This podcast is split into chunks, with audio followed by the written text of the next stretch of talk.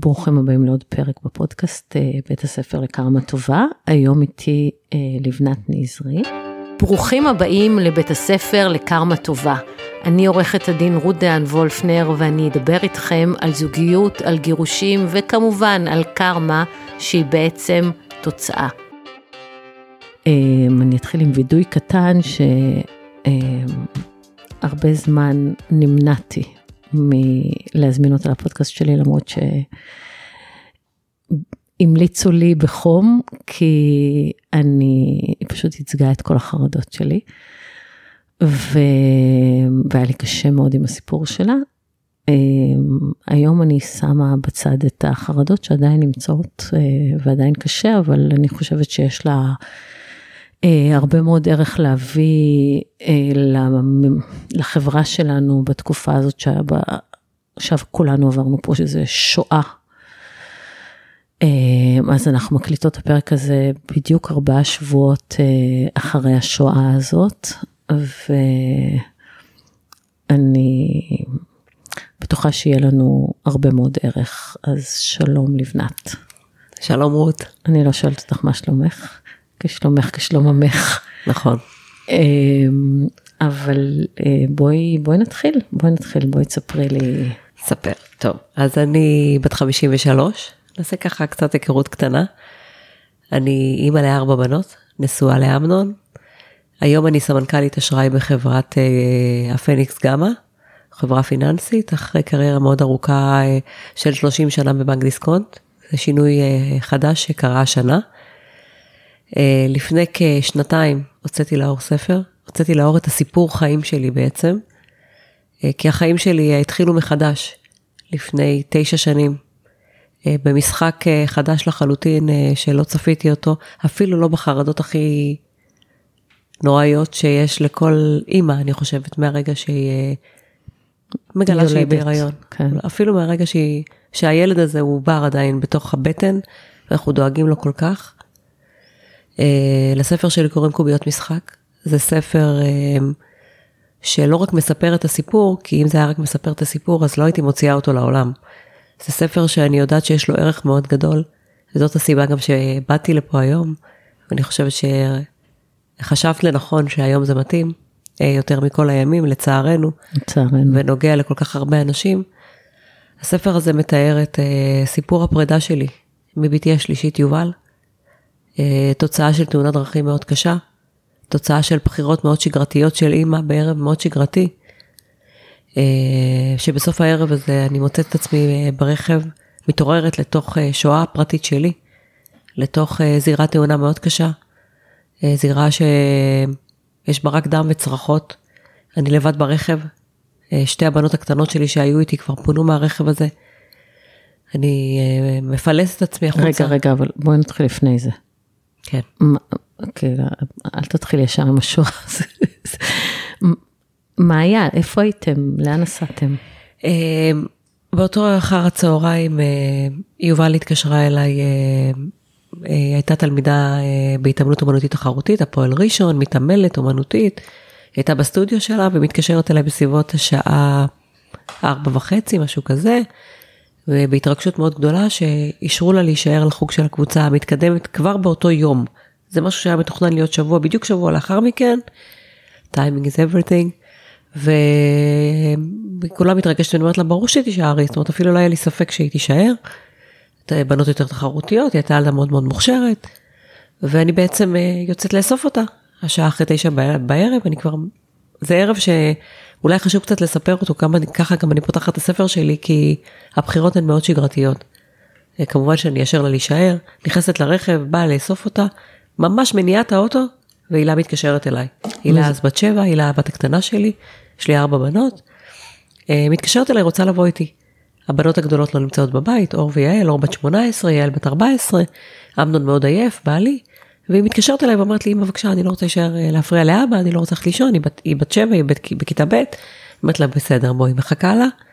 נוסעות לאסוף את יובל מהחוג, יובל מחכה לנו מחוץ לסטודיו שלה, עם חברה, נפרדת מהחברה, פותחת את הדלת של הרכב, ואומרת לנו, היי אמא, היי הילה, היא אומרת לי, הילה, את יושבת לי במקום. הילה הייתה קטנה, ישבה על בוסטר, אותו שבוע אני רחצתי את הרכב שלי, כנראה הזיזו את הבוסטר, לא יודעת, כשיובל אומרת לי, הילה, תשבת לי במקום, אז, יובל, אז הילה אומרת לה, אין בעיה. פותחת חגורת בטיחות, מחליפות מקומות, אני לא מתערבת. נוסעות, נוסעות לכיוון הבית, יובל מספרת איזה מדהים היה לה בחוג, ואיך היא השתלבה כל כך יפה, והבנות החמיאו לה, והיא ילדה מאוד צנועה, וכבר עמדתי בשורה ראשונה, ואני אומרת לה, אבל יובל, אכלת משהו? השעה כמעט עשר בלילה. יצא מהבית בשתיים, כמו כל יום. היא אומרת לי, לא, לא אכלתי שום דבר, ואני מציעה לבנות שלי גלידה. נוסעות לגלידריה, כן. עוד בחירה שגרתית של אימא שאומרת מה יהיה הכי זמין ומהיר לבת שלי שהיא נורא נורא אוהבת.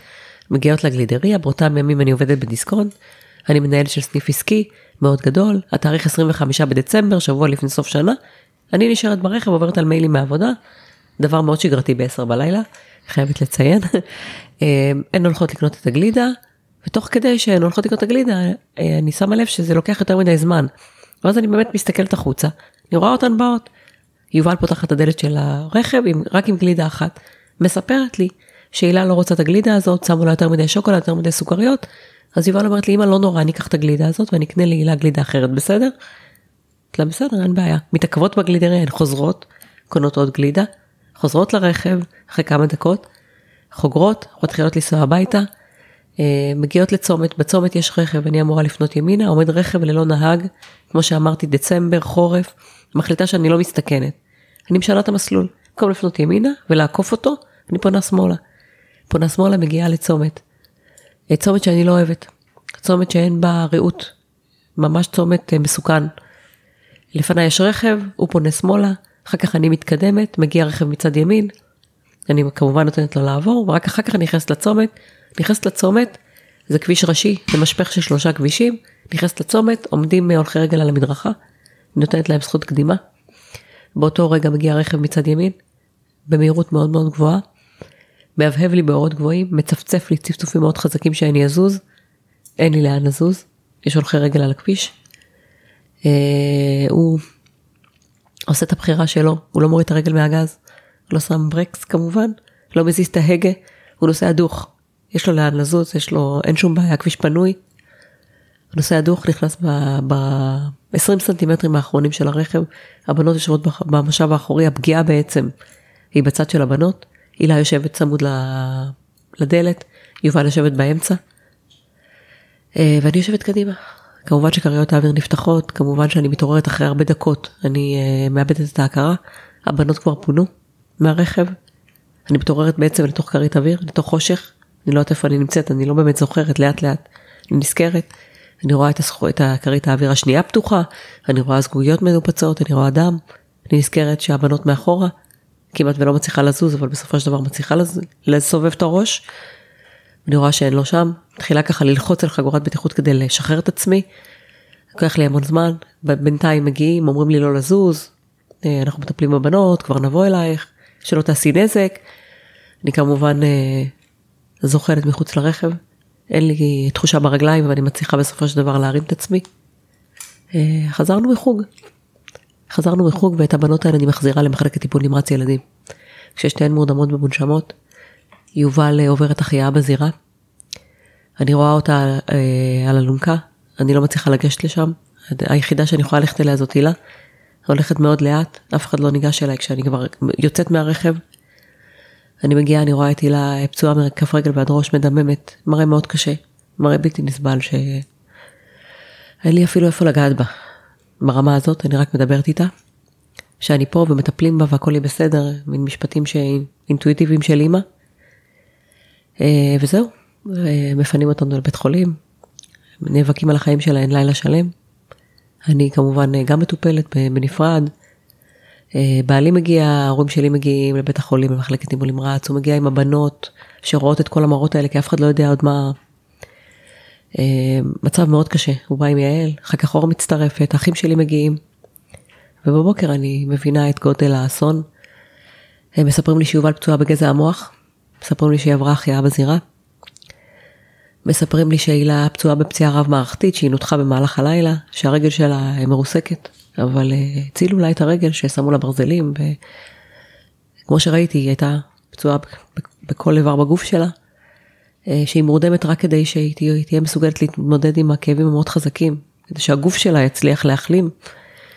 אה, וזהו, ברגע שאני שומעת שיובל פצועה בגזע המוח, ברור לי שאני לא רוצה לשמוע יותר כלום. אני רוצה ללכת לראות אותן. לוקחים אותי על כיסא גלגלים, אני מגיעה לשם, אני רואה אותן שוכבות מיטה ליד מיטה, חלק טיפול נמרץ ילדים. קודם כל אני רואה את הילה, שמראה מאוד קשה, היא כולה מחוברת לאין ספור מכשירים, כולה חבושה, הראש, הגוף, הכל. אחר כך אני עוברת לראות את יובל, יובל אה, אין לה פציעות חיצוניות בכלל. נראית ישנה. אני יודעת טוב מאוד מה, מה גודל הפציעה, אני מבינה שגזע המוח זה כמעט בלתי הפיך, אבל ברור לי גם שאני לא מוותרת. עם הבכי, עם השבר שכמובן קורה שם באותם רגעים, זה לא, זה בלתי נמנע. אני גם אומרת שאנחנו הולכים להילחם על החיים שלהם. אני אומרת שאנחנו הולכים לתת להם כוחות מבחוץ, כדי שהן תוכלנה להילחם מבפנים, זה המשפט המדויק שלי לאמנון. וזה מה שאנחנו עושים. אנחנו יושבים שם 24 שעות, אה, ליד שתי המיטות. אה, אני לא הולכת למחלקה כמובן, אני מקבלת את כל המשקרי כאבים וכל הצילומים שעושים, הכל שם, אני לא זזה משם. אה, ואחרי שבוע אנחנו נאלצים להיפרד מיובל, ב-31 לדצמבר. נפטרה כשהיא בת 11 ושמונה חודשים, היא נולד, בדיוק, היא נולדה ב-30 לאפריל, זאת אומרת ממש סגרה, נפרדה מאיתנו ב-31 לדצמבר, קברנו אותה בראשון לראשון, כאילו היה לה פה מסר, תחכו שבוע, אה, תסגרו איתי שנה אזרחית, את השנה החדשה אתם תתחילו בלעדיי. היא, הרבה, היא הרבה, מסרה פה הרבה מאוד מסרים כי היא שמרה על הגוף שלה. ובזכות זה שהיא שמרה על הגוף שלה, יכולנו לתרום את האיברים שלה. זו הייתה אולי בחירה שלנו, כי אנחנו היינו הפה שלה, השופר שלה, כי היא לא יכלה לחתום על כרטיס אדי. אבל זה היה ברור לנו שזו בחירה שלה, כאילו בכלל לא היה לנו ספק שהיא רוצה לתת, כמו כל חייה, אה, הקצרים, אבל המשמעותיים שהיא עשתה, המון המון דברים. המשפט הזה במותה ציפתה לנו את החיים, זה משפט שמלווה אותי מאותו רגע שבעצם היא נתנה חיים, כי היא הצילה חמישה אנשים. וזה כאילו נתן לזה משמעות. אה, בתוך הכאוס הזה את, אה, קשה לך למצוא אה, נחמה, אבל את כן יודעת שעשית משהו. שכן, היא, היא לא הייתה צריכה לא להיות פה, אבל אם היא לא פה, ויש ילדים שיכולים להינצל בזכות הדבר הזה, וילדה שכל חייה הייתה בבית חולים, היא לא הכירה בכלל חיים אחרים, שקיבלה את הלב שלה ואת הריאות שלה, ועוד ילד שקיבל ריאה אחרת, ו, אה, ומעי שהציל אישה שלא יכלה לחיות יותר, זאת אומרת, היא הייתה צריכה תרומה דחוף, זה, זה, התרומות האלה זה לחיים, זה לא, זה, זה ההבדל בין חיים למוות. וואו. את בקשר איתם? הם, הם מאוד מאוד רצו כל השנים להיפגש איתי, אני, היה לי מאוד קשה, אה, עשיתי את הבחירה לא לעשות את זה. היחידה שאני מדברת איתה זו משתלת המעי. אה, מדי פעם גם קשה לי מאוד, המצב שלה פחות טוב. אה, וזה קשה לי, אני, קשה לי ללוות את זה, זה... כן, זה קשה מאוד. זה לא איברים, זה הבת שלי ואני לא יכולה, זה מעבר לכוחות שלי, אז אני יודעת שאנשים רואים בזה הרבה מאוד אה, כוח אה, לראות את החיים החדשים האלה, כן, אבל אני רוצה ללוות אותם מרחוק, אני לא... וביום שיובל נפטרה, הילה, הילה התעוררה מהתרדמת שלה. באותו יום? באותו יום. אה, עוד מסר של יובל לדעתי, אה, היה שם הרבה מאוד דברים מיסטיים, כי באותו שבוע אור מאוד רצתה שנביא את הרנטגן. אור זה הבת הגדולה שלי. היא התעקשה כי כל הזמן ליוו אותנו, כל, כל מיני אנשים שרצו לבוא רבנים וכל מיני אני לא הסכמתי. מה זה הרנטגן? הרב רנטגן זה הרב, הרב, הרב איפרגן שקוראים לו רנטגן. לא, והיא אוקיי. מאוד רצתה שהוא יבוא. היא אמרה, אמא הוא עושה ניסים, ואני אמרתי לה, אוקיי, אותו אני אסכים, כי כל כך... ובאמת היינו צריכים המון המון אה, קשרים כדי להגיע אליו, כי הוא לא מגיע בדרך כלל לבתי חולים. והוא הגיע, והסיפור היה פשוט מטורף, כי הוא נכנס לחדרים של הבנות, והוא לא דיבר איתנו, הוא נכנס קודם כל להילה, היה שם אה, מעט זמן יחסית ליובל, נכנס לחדר של יובל, היה שם המון זמן, לפחות בעיניים של הורים. אה, התפלל שם ועשה המון תנועות עם הגוף, אה, תנועות כאלה של תפילה, ו... ואז הוא יצא החוצה, אה, מטפלת בזוגות, אז אני אספר לך מה הוא אמר, כי זה הדבר הראשון שהוא אמר לנו. הוא הסתכל עליי ועל אמנון, ושאל אותנו מה שלומנו. ואמרנו, ואמרנו לו שאנחנו לא פקטור פה, מה שלום הבנות? ואז הוא הסתכל עליי, והוא אמר לי, את מאשימה את עצמך בתאונה הזו. ואני רוצה להגיד לך פה משהו שהולך ללוות אותך במאבק הזה, על החיים של שתי הבנות שלך. את לא אשמה. את עברת, בשם... את עברת ונפלה עלייך אבן מהשמיים. זה כל מה שקרה. והאבן הזאת פגעה, כן, פגיעות מאוד קשות, אבל זה לא קשור אלייך. ואני יודע שבעלך לא מאשים אותך, כי זה המשפט הראשון שאמנון אמר לי, שהוא לא מאשים אותי בתאונה, והוא בכלל לא מסתכל על זה כדבר כזה, כמובן שאני האשמתי את עצמי, כן? אה, נדבר על זה, על תקיפות מצפון ורגשות אשמה שנולדים יחד עם הילדים בכלל. אפילו לא צריך אה, לעשות שום דבר בשביל זה, יחד עם החרדות. ואז הוא הסתכל עליי ועל אמנון ואמר, אה, אתם זוג מאוד חזק, יש ביניכם אהבה מאוד גדולה. תזכרו את זה, תאחזו בזה, כי אתם הולכים אה, אה, לדרך חדשה, לא פשוטה, ואתם חייבים לשמור אחד על השנייה. ואלה משפטים שאני חושבת שהם פשוט, אה, זה קשה, אני יודעת.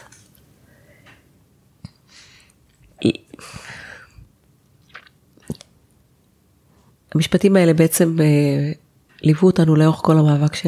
שהיינו, שעוד לא ידענו, עוד לא, עוד לא ידענו מה הולך להיות לנו. אני חושבת שהוא כבר ידע. הוא כבר ידע, אבל מה שהוא עשה שם יותר חשוב מהכל. זה משהו שאני בתור אימא פחדתי להגיד בקול רם, אני הרגשתי שהן מחכות אחת לשנייה. ואני פחדתי מהמשמעות של זה, כי לא ידעתי מה המשמעות של זה. רציתי לקבל את שתיהן, אבל פחדתי שאני אצטרך להיפרד משתיהן. ואז הוא הסתכל עליי ואמר לי, עשיתי משהו בתוך החדר. אני הפרדתי את המאבק ביניהן. המאבק שלהן היה קשור אחת לשנייה, ואני הפרדתי, אני מאמינה לכל דבר שהוא אמר שם. זה פשוט היה כל כך נכון, בן אדם כל כך עוצמתי. כאילו עם יכולות, זה משהו שהוא לא מובן מאליו, אני לא יודעת להסביר את זה, זה... וכן, הוא הפריד את המאבק שלהן, ואני חושבת שיובל שחררה את הילה, והילה שחררה את יובל.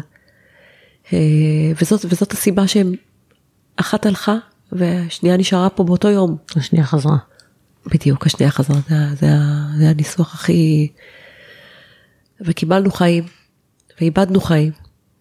ואנחנו שני הורים שבאמת לא ידענו לאן לפנות מפה. אני חושבת שהצעד הראשון הזה של לתת חיים, זה היה צעד שנתן לנו איזושהי אחיזה, זה היה, כל הדבר הזה היה מיסטי.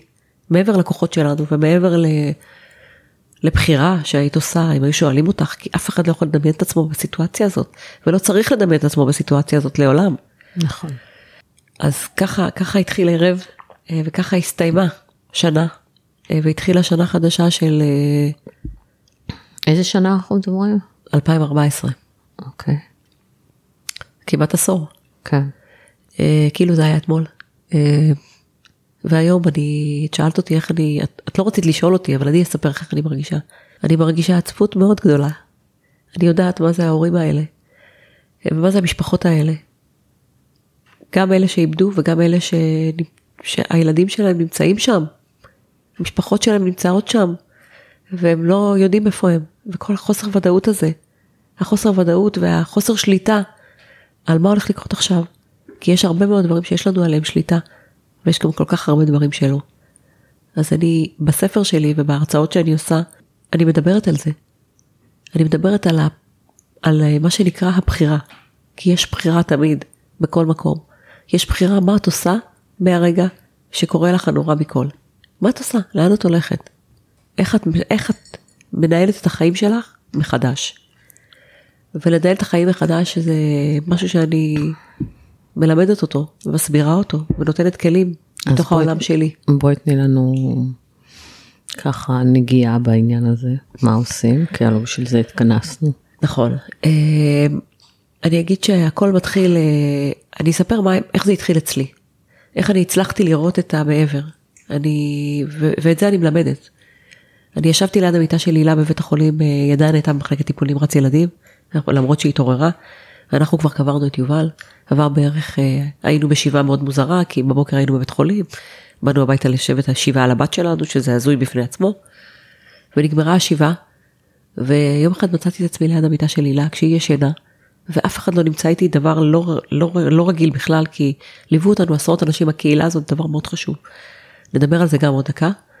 אה, אבל הייתי לבד. והיא ישנה, והלבד הזה, פתאום, אני מחזיקה לה את היד, ואני מרגישה שמשהו קורה לי בגוף. כאילו, כאילו היא החזירה אותי לחיים, היא כאילו נתנה לי איזה חום, חום מאוד חזק, ואני מסתכלת, אה, ופתאום אני גם, לא רק, לא רק שאני מרגישה את החום הזה, אני רואה בעיני רוחי את הבנות שלי, את הבנות הגדולות שלי, את אור ואת יעל, ואני מבינה שלא באמת ראיתי אותן. שעברו שבועיים אה, מהיום ששינה את החיים שלי לנצח, והן היו שם כל הזמן, אבל אני לא באמת ראיתי אותן. אני ראיתי את המאבק של הילה, אני ראיתי את הכאבים שלי, אני ראיתי את הפרידה שלי מהבת שלי, זה מה שאני ראיתי, אני לא... הראש שלי היה אצל יובל ואצל הילה ולא אצלהן. ואז הבנתי, הבנתי מהמקום שבו, כמו ראיתי אה, מין, אה, ראיתי את העתיד. ברגע שהצלחתי לראות את מה שחשוב בעצם, את אור ואת יעל ואת הילה שמחזיקה לי את היד, שאני החזקתי לה, היא לא החזיקה לי את היד, אבל הדבר הזה פתאום הסביר לי מה אני צריכה לעשות. ועשיתי, עשיתי ישיבה, כי אני מנהלת בעבודה, אני יודעת לעשות ישיבות. עשיתי ישיבה משפחתית. קראתי רק, לה, רק לה, לבנות שלי ולאמנון סביב המיטה של הילה, בלי המשפחה המורחבת, בלי אף אחד, לא סבא וסבתא, אף אחד, אף אחד, אף אחד. ובישיבה הזאת אמרתי מילים. אמרתי, הסברתי את הסיטואציה שלנו, נתתי לה, נתתי לה שם. אמרתי שאנחנו עצובים ואבלים, ושלא משנה מה נעשה, יובל לא תחזור. אבל יש לנו אחריות עלינו, אנחנו פה. אנחנו פה ואנחנו חייבים להמשיך בחיים מאיפה שהם הופסקו, בדיוק מאותו מקום. ועברתי אחד אחד, התחלתי מאור ואמרתי לה שהיא, לא רק שהיא מתגייסת, כי היא לא רצתה להתגייס, היא הייתה אמורה להתגייס בפברואר באותה שנה, וללכת לקורס קצינות, והיא לא רצתה לעשות את זה. אמרתי לה, לא רק שאת תתגייסי, גם אני הייתי קצינה בצבא, אני אעזור לך. את גם תתגייסי וגם תלכי לקורס קצינות, כי אלה החיים שלנו. נכון, איבדנו, אבל יש לנו עוד הרבה מה לתת. עברתי ליעל, יעל הייתה בכיתה ט', כיתה מאוד חשובה לחטיבת, לתיכון, בחטיבת ביניים, רצה ללכת למגמה מאוד חזקה וחשובה, ציונים זה חשוב, ותיק עבודות היא הייתה צריכה לעשות. ואמרתי לה, את תמשיכי ללמוד במהלך היום, את תלכי, היא הייתה מדריכה בתנועת נוער, את תלכי להדריך, את תבואי לבית החולים רק בערב.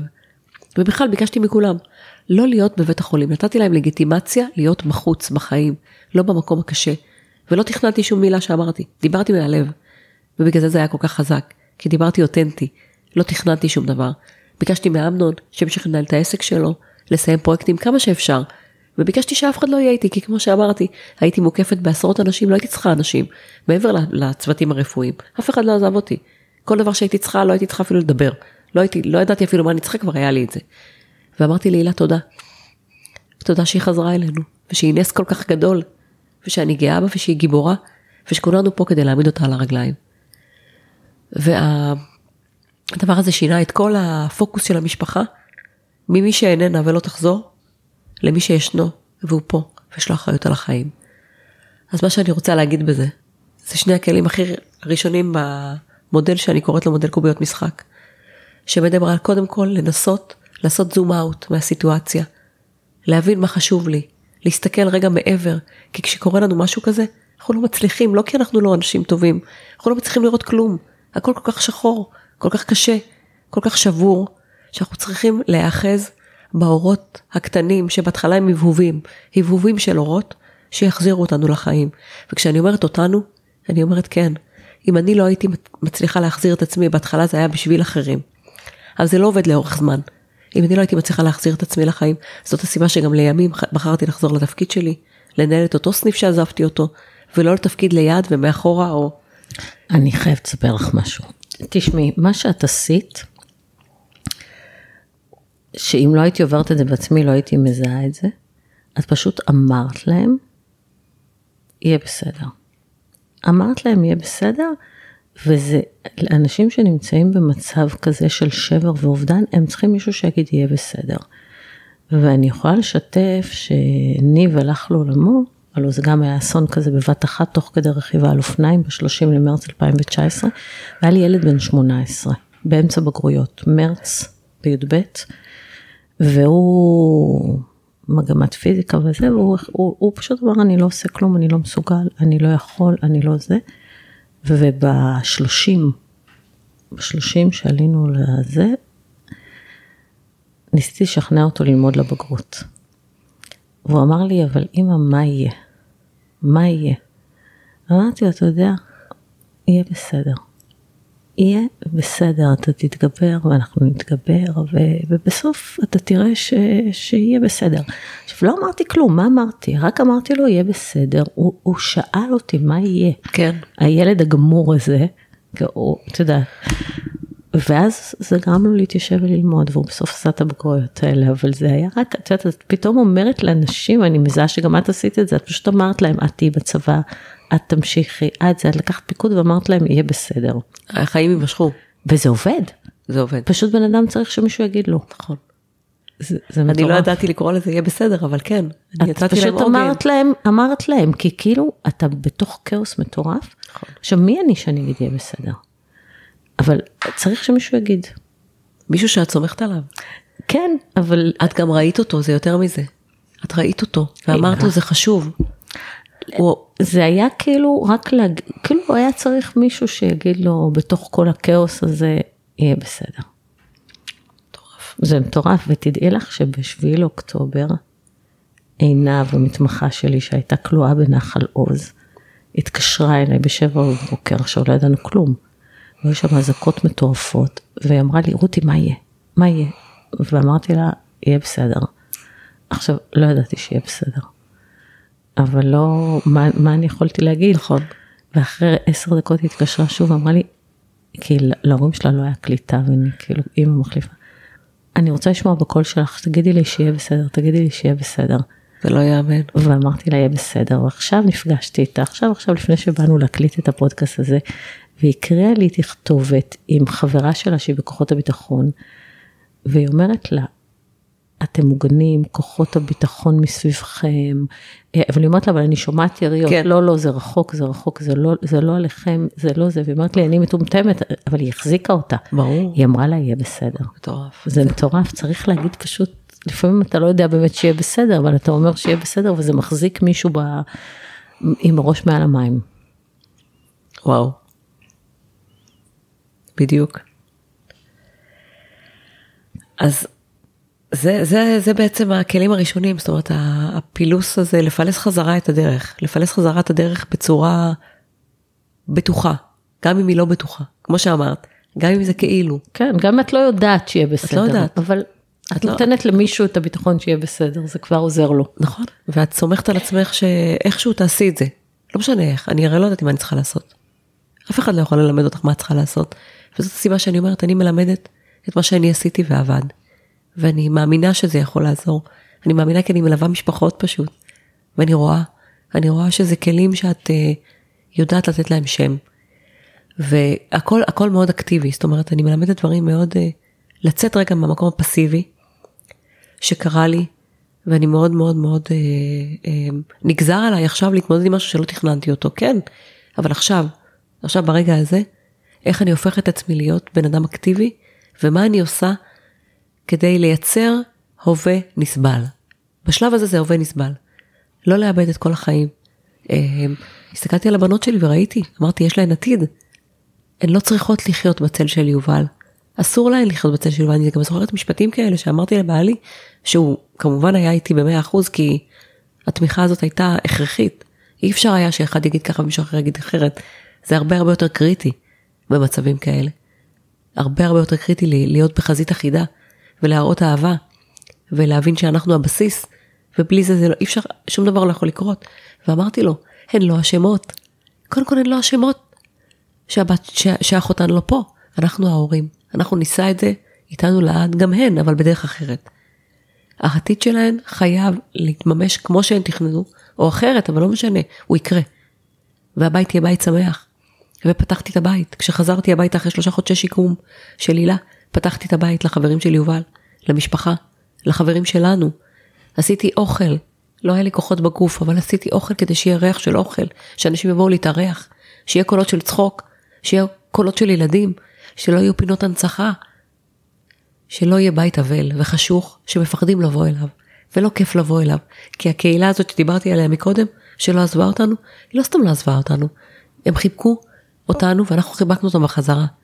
זה היה קרש הצלה, פשוט קרש הצלה, של חברה שלי וגיסתי, אחות של אמנון, שבאות אליי בבית החולים בזמן שאני, בשבוע הכי קשה של החיים שלי, שלימים היה יותר קשה, כן, אבל בשבוע שאני נאבקת על החיים של הבנות שלי, בעודי פצועה, עם אה, שבר בגב, שיושבת על כיסא גלגלים, מביאות לי בגדים מהבית, מאפרות אותי, גורמות לי להתקלח, מכריחות אותי להיות בן אדם. אומרות לי, תסתכלי על עצמך במראה, הבנות האלה התעוררו, הן צריכות לראות את אימא שלהן, לא איזה שבר כלי פה. כל מיני דברים שאנשים עשו בשבילי, שהיה, הם היו Game Changer. בלי זה, או המנהל שלי בעבודה שהגיע אליי ל, ל, ביום שיובל נפטרה, והאכיל אותי בכבד. הוא החליט שאני צריכה לאכול כבד. למה? שזה ייתן לך כוח. ככה, הוא התעקש על זה והלך להביא לי את זה, אוקיי, ואכלתי, כי אני לא אכלתי שם כלום. ו... ואז הוא אמר לי, למה את גוררת את הרגל כשאת הולכת? כי כבר קמתי מהכיסא גלגלים, עבר שבוע. אז אמרתי לו, אבל כואב לי, זה לא מעניין אותי, תזדקפי. זה היה המשפט, תזדקפי. תקבלי את ה... כאילו תעמדי זקוף. הבנות האלה התעוררו, הן צריכות לראות אותך.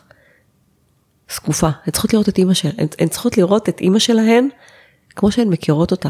אותו ביטחון שאת מדברת עליו, אותו יהיה בסדר. מישהו, אני הייתי צריכה להיות. אני ואמנון כמובן, אבל אני פצועה, שנינו הורים. מה אנחנו אמורים לעשות? אנחנו לא... וכל מיני דברים קטנים שאנשים עשו ואמרו, שזה לא קטן בכלל. את אומרת, יהיה בסדר, אותו דבר. שאמרו לי, אנחנו סומכים עלייך, שתדעי להתמודד עם זה. זה היו המילים. אז בעצם את אומרת קהילה, ואת אומרת גם שאני מזהה שחלק גדול מה, מהיכולת שלך לקום, זה כי היה לך את הבנות שלך, שהיית חייבת לעשות את זה בשבילהם. אז אני אומרת, זה לא, זה לא משנה מה האור הזה, זה משנה מאוד, כן? אבל אותה אחיזה שיש, לא משנה איפה, לתפוס אותה, להיאחז בה, גם בקהילה, לקחת את האנשים סביבך שהרבה מאוד רוצים להיות לידינו, אבל לזהות את האנשים שיודעים להרים אותך. במקומות האלה, האנשים עם האנרגיות, האנשים הטובים האלה, שלא צריכים לעשות הרבה, הם רק צריכים להיות שם. בלי שאלות, בלי תשובות, להביא לך מה שאת צריכה, כזה, לחבק אותך, זהו, שתוכלי להישען עליהם, האנשים האלה. זה האנשים שאנחנו צריכים. וכן, אותה נקודת אחיזה שנותנת לנו אה, את החזרה הזאת לחיים, את הבחירה הזאת בחיים. כי תמיד צריך מישהו או משהו בשבילו לחיות. אני אומרת, החיים זה מתנה. זאת הבחירה צריכה להיות. כן, החיים הם הולכים ועולים ויורדים, ויש לנו כל מיני אובדנים שאנחנו עוברים בדרך, ומשברים אה, בחיים, בזוגיות, בגירושין, כל מיני, כל מיני דברים אנחנו עוברים, כן. מחלות, יש הרבה מאוד דברים, אנשים שאנחנו נפרדים מהם בדרך. אבל בסוף אנחנו צריכים לבחור בחיים, כי הבחירה בחיים, את יודעת, בתורה אומרים, ובחרת בחיים, זה ציווי. זה לא כי אנחנו נושמים בבוקר. כנראה שלנשום או לא לנשום זה לא בחירה שלנו. מה אנחנו עושים בדרך? מה אנחנו עושים? איך אנחנו קמים בבוקר? מה אנחנו מחליטים לעשות באותו יום? אמ, כן, אבל איך אתה יכול, בסדר, לנשום אתה נושם, בסדר, אז אתה גם לא בדיוק לפעמים חי, אתה מתקיים. נכון. ואז איך באמת אסביר. יוצאים מתוך הבור הזה? אז אני רוצה לתת... אני בטוחה שאת נפלת לתוך בור. ברור. היה חושך, חושך היה תהום. כן. היה ציפורניים, אני פילסתי ולא ראיתי כלום, לא הבנתי כלום. אז מה, מה הסולם? הסולם היה קודם כל אה, למצוא את הדבר הזה שבשבילו אני צריכה לקום. שזה הבנות נכון, שלך היה. נכון, וגם, וגם המושתלים. גם המושתלים, אוקיי. היה, פה אחיזות אה, בחיים.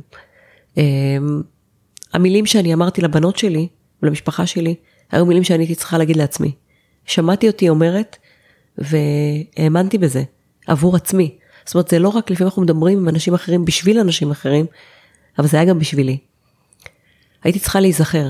למה עשיתי ישיבה? ואמרתי לך, אני יודעת לעשות ישיבות, כי אני מנהלת. הייתי צריכה להיזכר מי אני בכלל, לא זכרתי כלום. לא ידעתי מה אני יודעת. חשבתי שאני לא יודעת כלום. לא הבנתי כלום. לא ידעתי שום דבר. נזכרתי שאני אימא. בזום אאוט שעשיתי. נזכרתי שאני מנהלת. נזכרתי בכישורים הבסיסיים שלי, שיכולים להוציא אותי. זה נקרא, במודל שלי אני קוראת לזה היזכרות.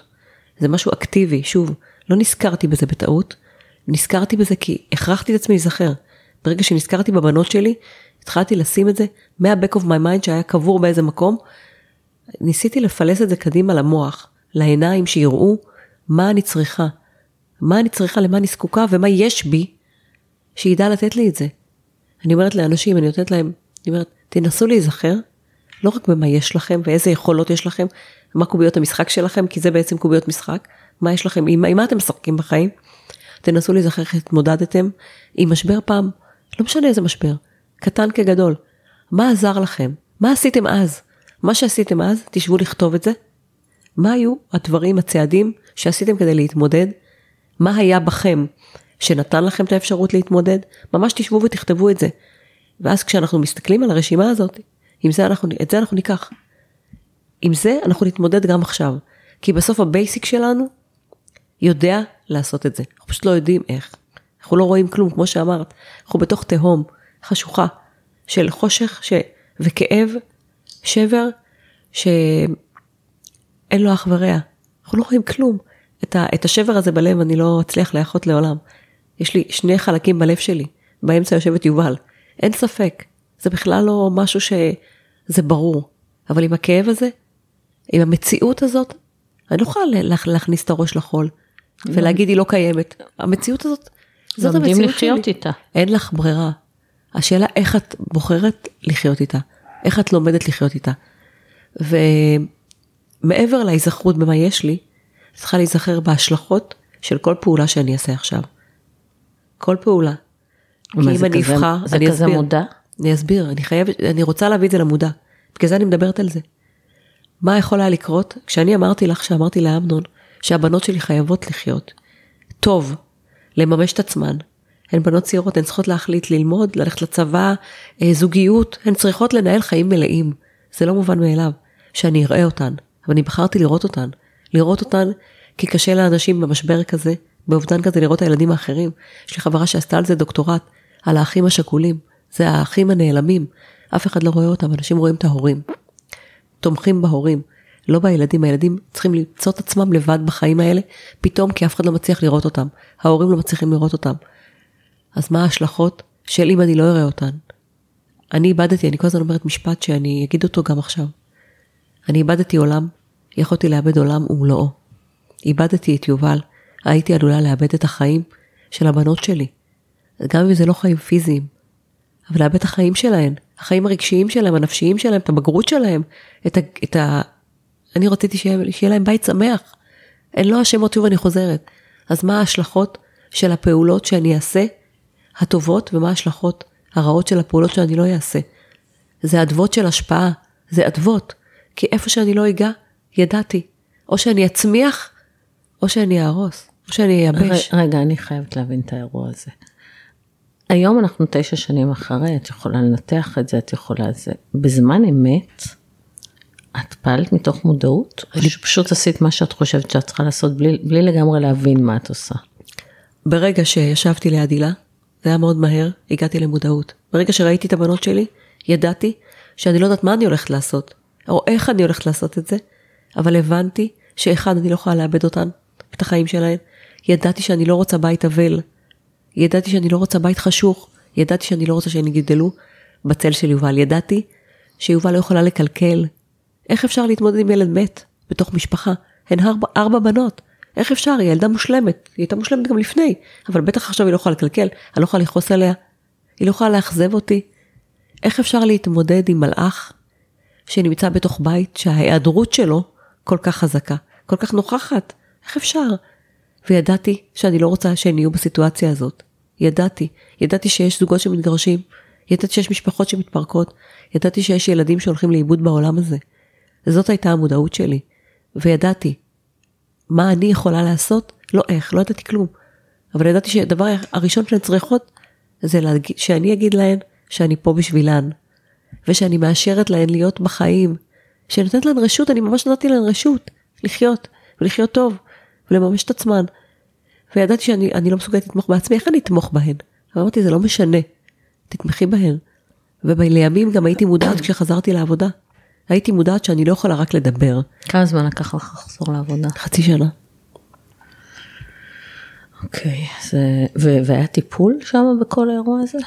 היה, אמ, היו כמה מפגשים מאוד מאוד אה, קצרים, אה, ולא, ולא, שלא עזרו לי פשוט. לא מצאתי את המטפל שיכול היה להבין אותי. ולילדים? אה, הילה ויעל, שתיהן בחרו לעשות טיפול ארוך יחסית, אור לא, אמנון לא, ואני לימים גם לא. אני חושבת שכשקורה לך אירוע כזה, את מחפשת מישהו שעבר את זה. שעבר את זה ויודע לקדם אותך, כמו שאמרתי, עם הקהילה, אותם אנשים שיכולים לקדם אותך. וזה מה שבעצם אני עושה היום בשביל אנשים. עם כל הקושי זה מאוד קשה לי לשמוע ולחוות שוב את החוויות האלה של האובדן הקשה הזה שאני חיה אותו כל הזמן. אבל אני עושה את זה כי אני יודעת שזה מציל חיים, לא פחות. מציל חיים.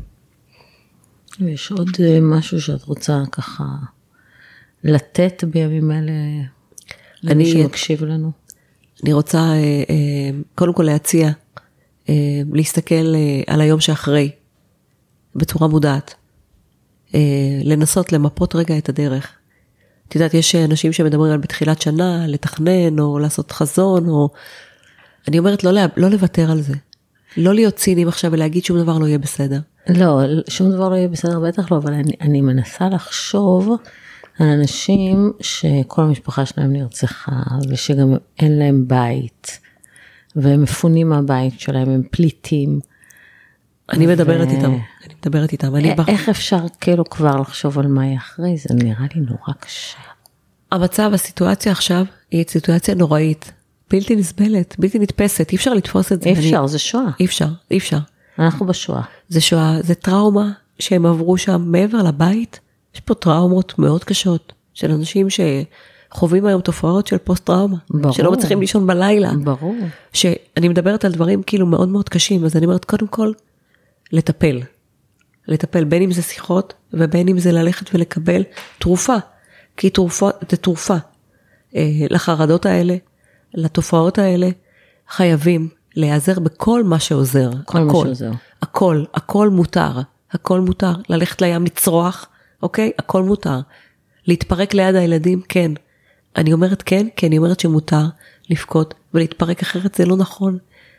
אף אחד לא מאמין, הילדים האחרים שנמצאים, אני לא יודעת, כי לפעמים יש כל מיני סוגים של סיטואציות היום. קודם כל, אה, את לא תצליחי לנשום בעצמך אם את לא תעשי את זה. לאותה אימא שמקשיבה לי או אבא. אה, התופעות אח- אחרת יהיו הרבה הרבה יותר חמורות, וגם ככה אף אחד לא מאמין שאת לא עצובה. לא צריך לשים מסכות. מותר לבכות, צריך לדבר, צריך להיות אמיתיים בכל הרגשות שלנו, הם לא יכניעו אותנו. אם לא נטפל בהם ולא נדבר עליהם, אז הם יכניעו אותנו. להבין שאם אנחנו נתפרק, הכל מסביב יתפרק הרבה יותר. אז לעשות דברים גם שעושים לנו טוב. להיכנס לאמבטיה, לשבת באמבטיה, אני לא יודעת, לקרוא ספר, לרקוד, גם אם זה לא משהו שעכשיו בלב, אבל לשים מוזיקה שעושה טוב, עוד פעם ללכת לים, להסתכל על העולם רגע ולהבין שיהיה היום שאחרי. כי אם לא יהיה היום שאחרי, אנחנו אבודים. אסור לנו להאמין בזה, כי הם לא הלכו סתם. במותם ציוו לנו את החיים. בהיעדרם, אנחנו חייבים להאמין שהם יחזרו. ושהם יחזרו אלינו שלמים ובריאים, אנחנו חייבים להאמין בזה. על מה את מדברת? על השבויים? על השבויים, אוקיי. כן. לרגע לא... לא, אני אומרת כאילו, על השבויים, אנחנו צריכים לחזק את כוחות הביטחון, את החיילים זה ילדים שלנו, החיילים האלה. מה זאת אומרת? אנחנו חייבים לתת כוח עכשיו, ורוח, כן. הרוח, זה מה שקובע פה עכשיו. וברוח, אנחנו יודעים לטפל. את הרוח אנחנו יודעים לתחזק. את הרוח אנחנו בוחרים. לא את הבית שאיננו, לא את מי שלא נמצא פה ולא יחזור, ולא את השבויים שנמצאים, אנחנו כולנו דואגים, כי כולנו בדינה, באבל עכשיו. כולנו. ברור. אבל הרוח שלנו, של הביחד שאני רואה בכל מקום, ואני הולכת לראות את המפונים, ואני רואה שקשה להם, ואני מדברת איתם, ואני בחרתי לתת uh, תרומת ספרים שלי, יצאתי עם תרומה של 100 ספרים, כי ידעתי שהספרים האלה יכולים לעזור פשוט. כן, זה ספר קשה, צודקת, קשה לקרוא אותו, אבל הוא נותן כלים אמיתיים. Uh, ובסוף אני תורמת כמעט אלף, ואני מדפיסה עוד ועוד עותקים, כי, ואני עושה את זה באהבה הכי גדולה, כי אני חושבת שזה יכול לעזור מאוד מאוד מאוד. אז אני אומרת, להסתכל, כן, להסתכל על יום של אחרי, כי יש יום אחרי. והרוח תנצח, אמן, אמן. אמן. אנחנו ננצח. אנחנו ננצח. לבנת, אה, המון תודה שחלקת איתנו את הסיפור הלא פשוט הזה ואת הכלים שנותנים תקווה ש... שיש חיים אחרי. הלך, sort of it. Amen.